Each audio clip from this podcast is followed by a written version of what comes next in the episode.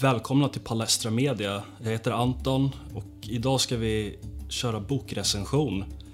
Vi har ju tidigare, innan vi tog bort större delen av vårt material, tagit en titt på, på en del böcker som vi tyckte varit intressanta och som belyst olika delar av framförallt kanske svensk eh, samtidshistoria, mer, ja, mer specifikt och politisk samtidshistoria som vi tycker är intressanta och relevanta för att Eh, belysa hur samhället ser ut idag, hur saker har blivit som de har blivit och eh, ja, vad, man, vad man kan lära sig av historien helt enkelt.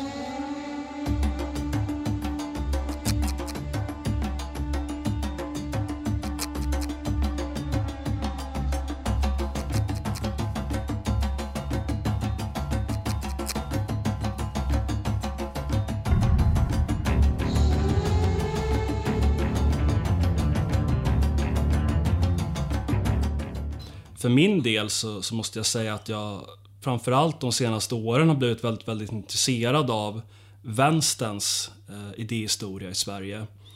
Och inte bara då eh, skriven av belackarna från högerkanten då som, som verkligen inte gillar vänstern utan eh, deras, deras egna berättelser och eh, olika typer av porträtt från folk som har, kanske framförallt då från folk som har hoppat av men som en gång var väldigt övertygade och sådär. Jag tycker det är en det är intressant att överväga vänsterns historia i Sverige därför att eh, under 60-talet och framåt så, så fick den ett väldigt stort genomslag. Eh, kanske inte riktigt det liksom okritiska eh, genomslag som, som vissa som, som skriver om 68-rörelsen och sånt där vill göra gällande för när man tittar på hur vänstern beskriver sig själv och hur folk som, som var med under perioden eh, beskri beskriver de här händelserna och tittar på dem i efterhand så, eh, så får man lätt intrycket att de som, de som det faktiskt gällde inte var särskilt nöjda med resultatet.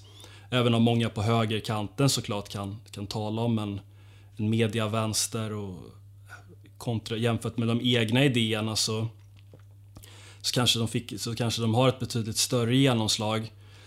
Men för att liksom göra det här och, och, i det här sammanhanget så har jag valt ut två böcker.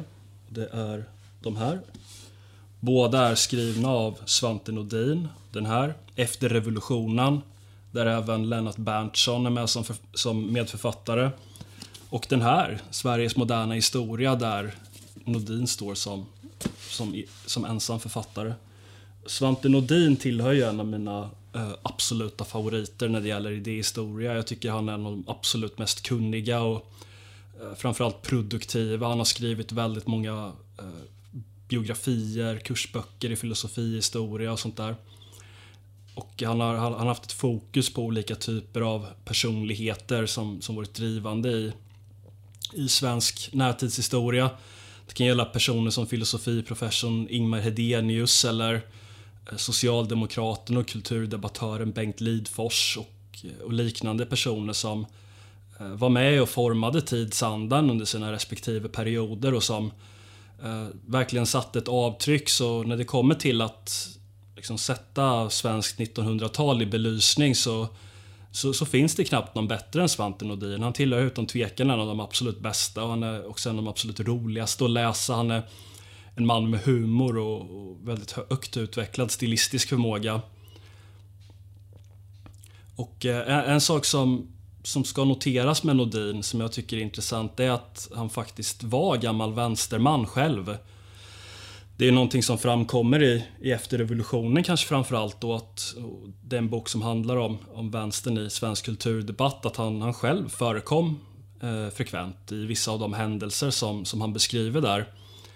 Och eh, då, det, det, blir, det ger det hela en, en, extra dimension då att han inte bara skriver som i egenskap av forskare utan även som, som samtidsvittne då, någon som var med och, och bevittnade de här, de här händelserna men som sedan ganska många år tillbaka, kanske eller åtminstone 30 år, eh, inte tillhör vänstern längre utan kanske idag då får sägas tillhöra svensk liberal konservativ borgerlighet. Och anledningen till att jag väljer de här böckerna och eh, lite recensera dem som, eh, tillsammans då, det är att de, de passar väldigt bra att läsa med varandra. Man skulle kunna säga att de kompletterar varandra. Den här första boken, eh, som jag nämnde kort eh, efter revolutionen, då, den handlar om vänstern i svensk kulturdebatt mellan 1965 och eh, 1989. Och eh, den andra boken handlar om Sveriges eh, politiska historia på slutet av 1800-talet till slutet av 1900-talet berättat i, i en rytm där Sverige genomgår fem stora politiska projekt varav de, eh, de tre första som har att göra med demokratins införande och eh, ståndsriksdagens avskaffande och liknande kanske lite för disparata, de är lite för långt bort för att det kanske ska vara intressant att belysa dem i det här sammanhanget. Det är ingen som, det är ingen som debatterar idag om att eh, införa ståndsriksdagen igen. Kanske någon på Heimdal, men eh, inte i några bredare kretsar. Men de här tar sikte på, på samma historiska period och de belyser en del saker som, som jag personligen tycker är intressanta som man förmodligen inte alltid tänker på när man, när man överväger vänstern i Sverige och, och vilken genomslagskraft den fick och så vidare. Men någonting som jag vill öppna med att säga det är ju att man brukar ju tala om eh, 1968 som ett revolutionsår i vissa kretsar. Man brukar referera till det som 68-revolten. Eh, och det, det ligger ju kanske någonting i det. Eh, åtminstone internationellt därför att i i, Paris då så hade man ju majrevolten med väldigt, väldigt mycket människor ute på gatorna och det tändes en, någon sorts revolutionsgnista även ute i arbetarled och eh, regeringen de Gaulle gjorde sig redo att fly landet enligt vad jag har hört så där kanske det fanns visst fog för att tala om sådana saker. I Sverige så var det kanske mest eh, signifikanta enskilda händelsen den så kallade kårhusockupationen som väl får ses då som en ganska, ganska beskedlig svensk motsvarighet till de här stora, eh, mer revolutionära händelserna som ägde rum i Frankrike och, Paris. Men det, det, som man kan säga om eh, 68-rörelsen som, eller som just, just man tar sikte på ordet revolt eller revolution är, är ju hur otroligt felaktigt det här är och hur felaktigt det används. För, för någonting som man, man ska komma ihåg är att de som föddes på 40-talet, säg 1945 och skrev in sig vid ett svenskt universitet lagom till 1965 och åren runt 68. De hade aldrig upplevt någonting annat i sitt liv än Tage Erlander som statsminister. Eh, det, det här 68 är kulmen på en period av absolut socialdemokratisk hegemoni inom svensk politik på ett sätt som, eh, som inte kommer att upprepas varken förr eller senare. Det finns ju andra ikoniska toppar i, i socialdemokratin.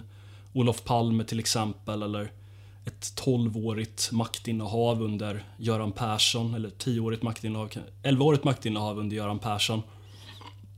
Men ingenting som, som riktigt slår det här. Jag tror, jag tror att Tage Erlander satt under eh, 23 år faktiskt. Det var det var en oerhört lång period.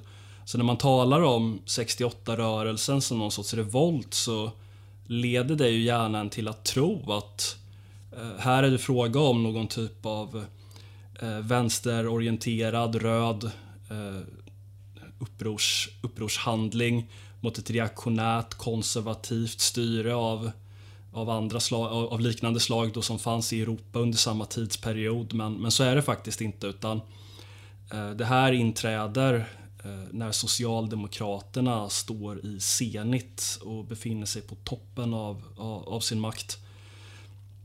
Vilket ju liksom tar något ifrån det här med eh, revolutionsanspråken. Sen kan man väl också säga att enligt Nordin då så, så, var det många samtida bedömare som vid den här tiden gjorde internationella utblickar i, i, ute i Europa och eh, där man, där man såg den här nya vänstern då som det gällde växa fram. För det finns ju en brytpunkt mellan den så kallade 68-vänstern då och den här gamla vänstern i flera olika avseenden. Att man, man trodde inte att någon sån här ny vänster skulle kunna slå igenom i Sverige därför att man ansåg inte att det fanns någon grogrund för den. Eh, någonting som man kan erinra sig om är ju att i, i den här gamla vänsterns värld så, så bygger ju stora delar av kritiken på mot kapitalismen på att kapitalismen skapar nöd. Den är, en, den är ett ineffektivt ekonomiskt system som inte förmår att tillfredsställa människornas behov.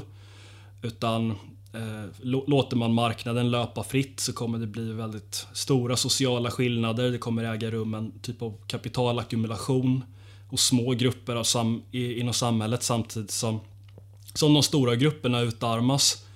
Så det är liksom den gamla vänsterkritiken mot, eh, mot kapitalism.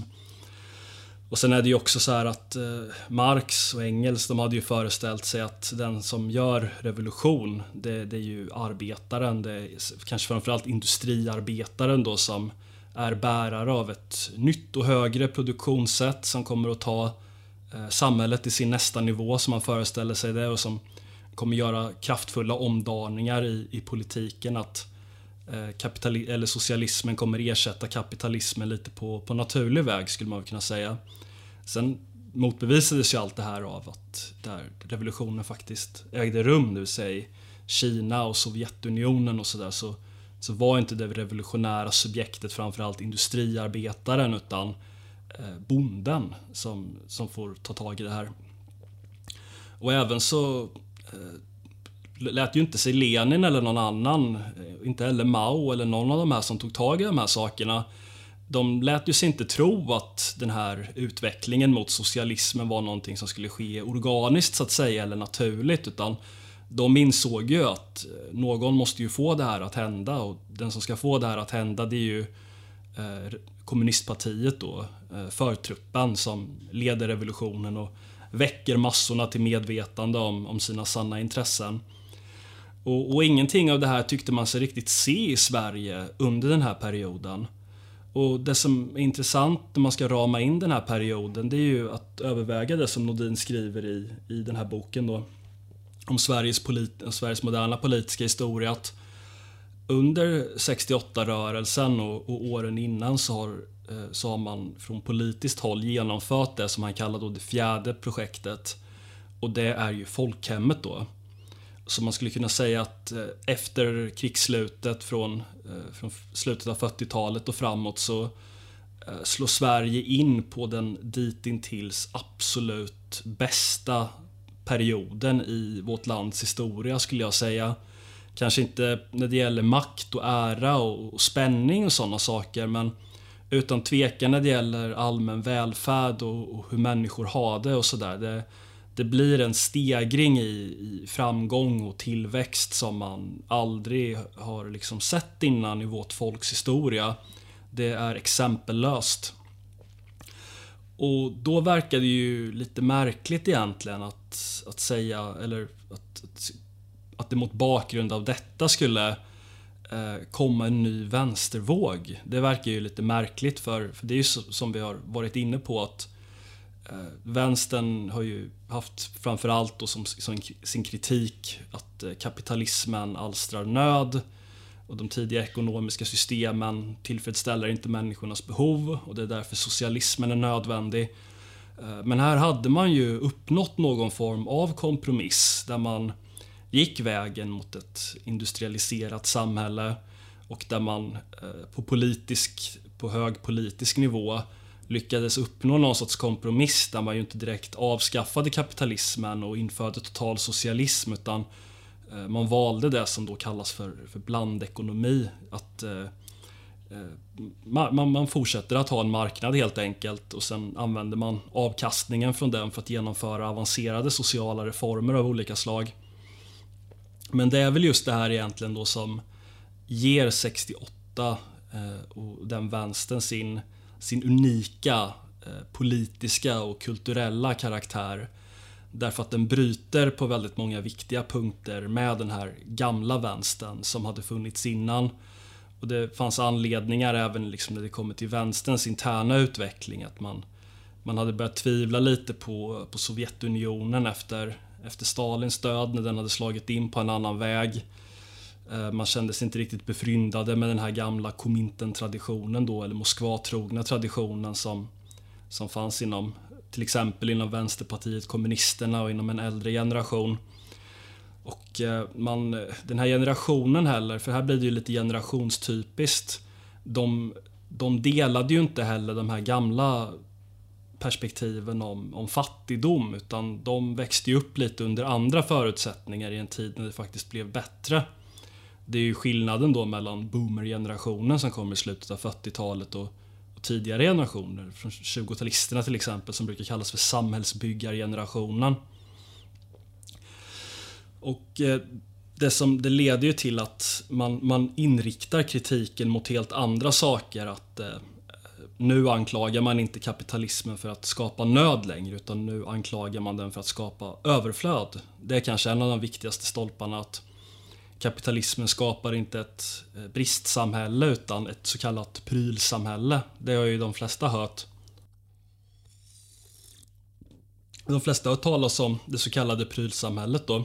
Där människor har det alldeles för bra ställt och det viktiga i livet försvinner ur sikte för att eh, människor är bara intresserade av att konsumera och materiella egendomar och, och sådana där saker. Och en av de viktigaste böckerna som, som just kom ut 1968 på svenska, det var ju Herbert Marcoses Det endimensionella samhället. Där han just tog upp det här. Och han var ju en av de som, eh, som gick i, förtruppen då för den här nya varianten av marxism som var som klippt och skuren för en ny tid. Därför att Marcuse var ju inte riktigt för Sovjetunionen. Det var ju någonting han delade med, eh, med många andra då som tillhörde den här eh, gruppen inom Frankfurtskolan som han var en del av. Att man, man gillade inte Sovjetunionen och man var kritiska mot Sovjetmarxismen.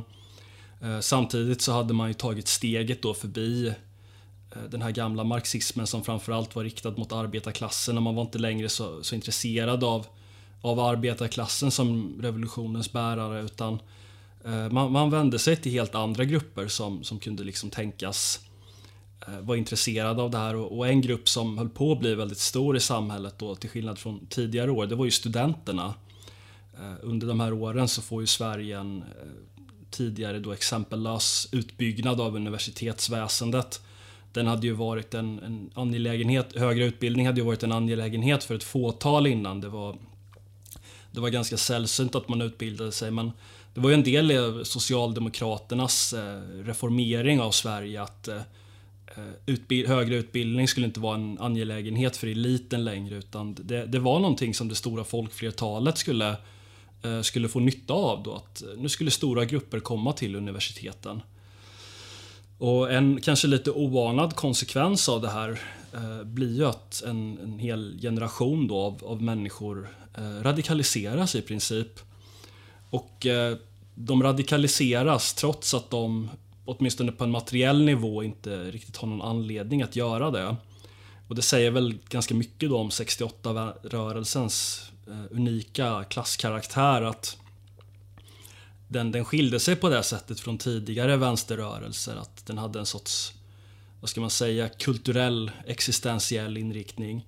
Att den var inte, även ifall den här antikapitalistiska ådran fortfarande fanns där så var kritiken av ett, av ett annat slag. Och någonting som också blev viktigt, till skillnad då från, från tidigare årgångar, var eh, att man anknöt i betydligt högre utsträckning till eh, de internationella konflikter som pågick runt om i världen vid den här tiden. Att till skillnad från den här gamla arbetarrörelsen då som, som kanske var mest intresserad av, av arbetsfrågor och sånt på den inhemska marknaden så eh, fick man genom det ökade informationsflöde som, som kom i och med TV och radio och tidningar och sådana där saker Eh, en helt annan kunskap om olika typer av missförhållanden runt om i världen.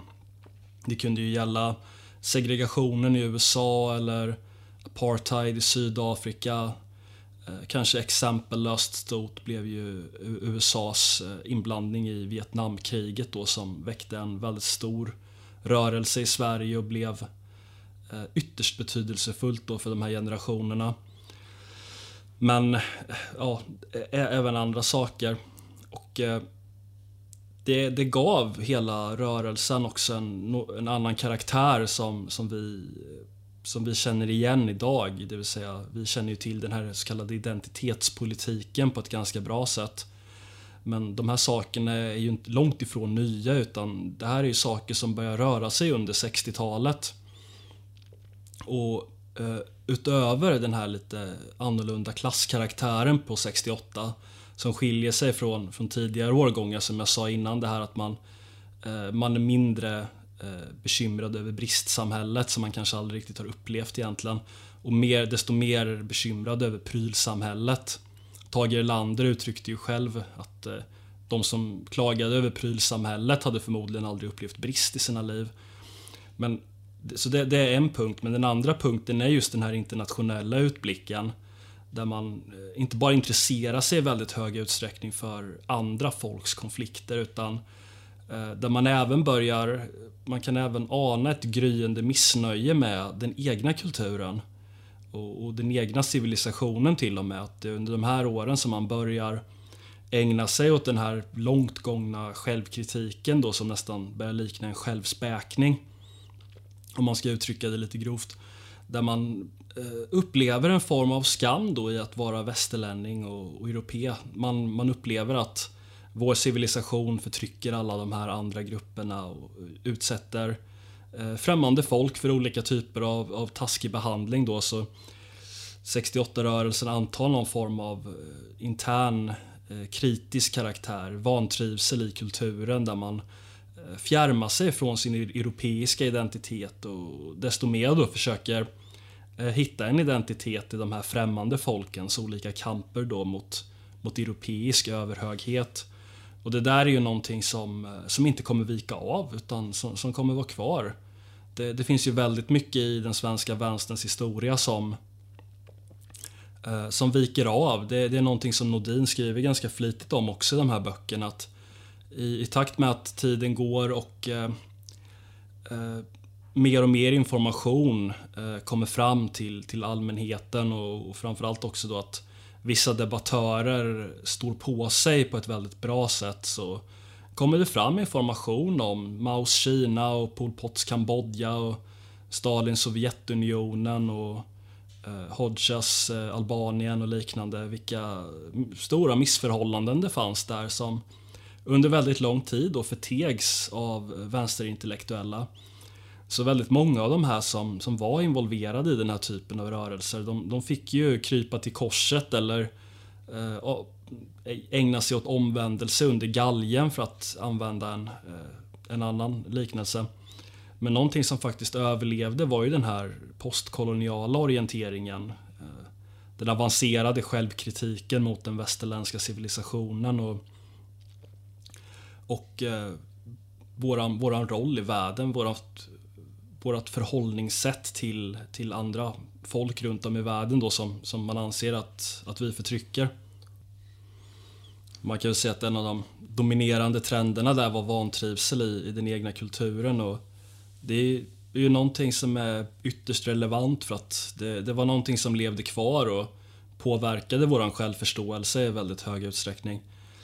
Just idén om syndfullheten i, i att vara europé, att tillhöra våran civilisation, att utöva våran kultur då. Kontra det här oskyldiga, lite naiva som man såg hos främmande folk. Som ledde till en, en ganska osund självkritik skulle jag säga. Och allt det här äger ju rum under det som Nordin då kallade fjärde politiska projektet, det vill säga folkhemmet. Man kan väl säga att det femte politiska projektet som han föreslår, det handlar ju då om mångkulturalism och globalisering. Och sättet jag läser det här på är att eh, det femte politiska projektet är en direkt konsekvens av det fjärde. Därför att någonstans under folkhemseran så, så, så sår man lite den, den draksådd, skulle man väl nästan kunna säga, som, som man sen får skörda under, under kommande år. Därför att dels så Eh, bidrar den här vänstervågen till att eh, utmönstra en hel del eh, i form av konservatism och nationalism från, från det svenska allmänna medvetandet. Och man lägger även an en hel del andra perspektiv som har att göra med, med skuldkomplex och romantisering av tredje världen och, och sådana saker som, som sen öppnar upp då för, för massinvandring och för en förnekelse av det svenska. Och det här påverkar ju inte bara vänstern såklart, utan det här är ju någonting som får genomslag och påverkar även då den borgerliga högern. Och eh, det är intressant att titta närmare på hur det här påverkar högern då i form av Moderaterna till exempel. Moderaterna var ju under väldigt lång tid ett nationellt konservativt parti. Eh, men så var det ju inte. Från och med 80-talet och framåt så gick de i en liberal konservativ riktning och i och med 90-talet och en person som Carl Bildt eller Bo Lundgren så kan man väl säga att all meningsfull konservatism då egentligen var utmönstrad. Och fram till när Fredrik Reinfeldt tillträdde så kan man väl säga då att det inte finns någon konservatism kvar överhuvudtaget utan det som finns är en kulturradikal nyliberalism som eh, på många sätt faktiskt, åtminstone från mitt perspektiv, är ännu mer skadlig än vad, vad vänstern var. Därför att i, i vänstern så finns ändå en, eller om man tittar på strukturer då som Socialdemokraterna, LO och liknande. Det finns ändå en, en, någon sorts lojalitet till det svenska i och med att eh, de, de strukturer man förvaltar är etablerade i Sverige och inriktar sig mot den svenska arbetaren då ändå på något sätt. Men i till exempel Moderaterna och Folkpartiet så finns inte den lojaliteten överhuvudtaget. Och det var ett av tricken i Fredrik Reinfeldts eh, snabba uppmarsch mot makten att han, han kunde bjuda över vänstern i, i deras egna frågor. Han, han kunde göra det de gjorde fast, fast ännu bättre därför att han inte tyngdes av de här sakerna. Därför att han kunde bortse totalt från folk och nation på ett sätt som vänstern inte kunde göra vid, vid, vid den här tidpunkten. Det, det blir väl lite en ödets ironi på något sätt att, att folkhemmet då som, som var riktat mot Sverige, mot det svenska, eh, genom de tendenser som uppstår där faktiskt ja, lite, lite sätter spiken i kistan på Sverige som ett, ett självständigt nationsprojekt. Så när det gäller just förståelse av, av samtiden och att förstå saker som eh, 68-vänsterns eftermäle, den kulturradikala nyliberalismen hos Moderaterna, hur, varför samhället ser ut som det gör så, så vill jag verkligen rekommendera de här böckerna därför att de, de, gör en, eh, de ger en inblick i de här sakerna. De är eh, utan tvekan skrivna med en, en kritisk skärpa men han är inte heller intresserad av att göra någon eh, karikatyr av vänstern utan han, han behandlade, behandlade respektfullt och, och, på ett bra sätt samtidigt som det är väldigt roligt skrivet. Och med det vill jag säga tack för att ni har lyssnat och så ses vi till nästa gång.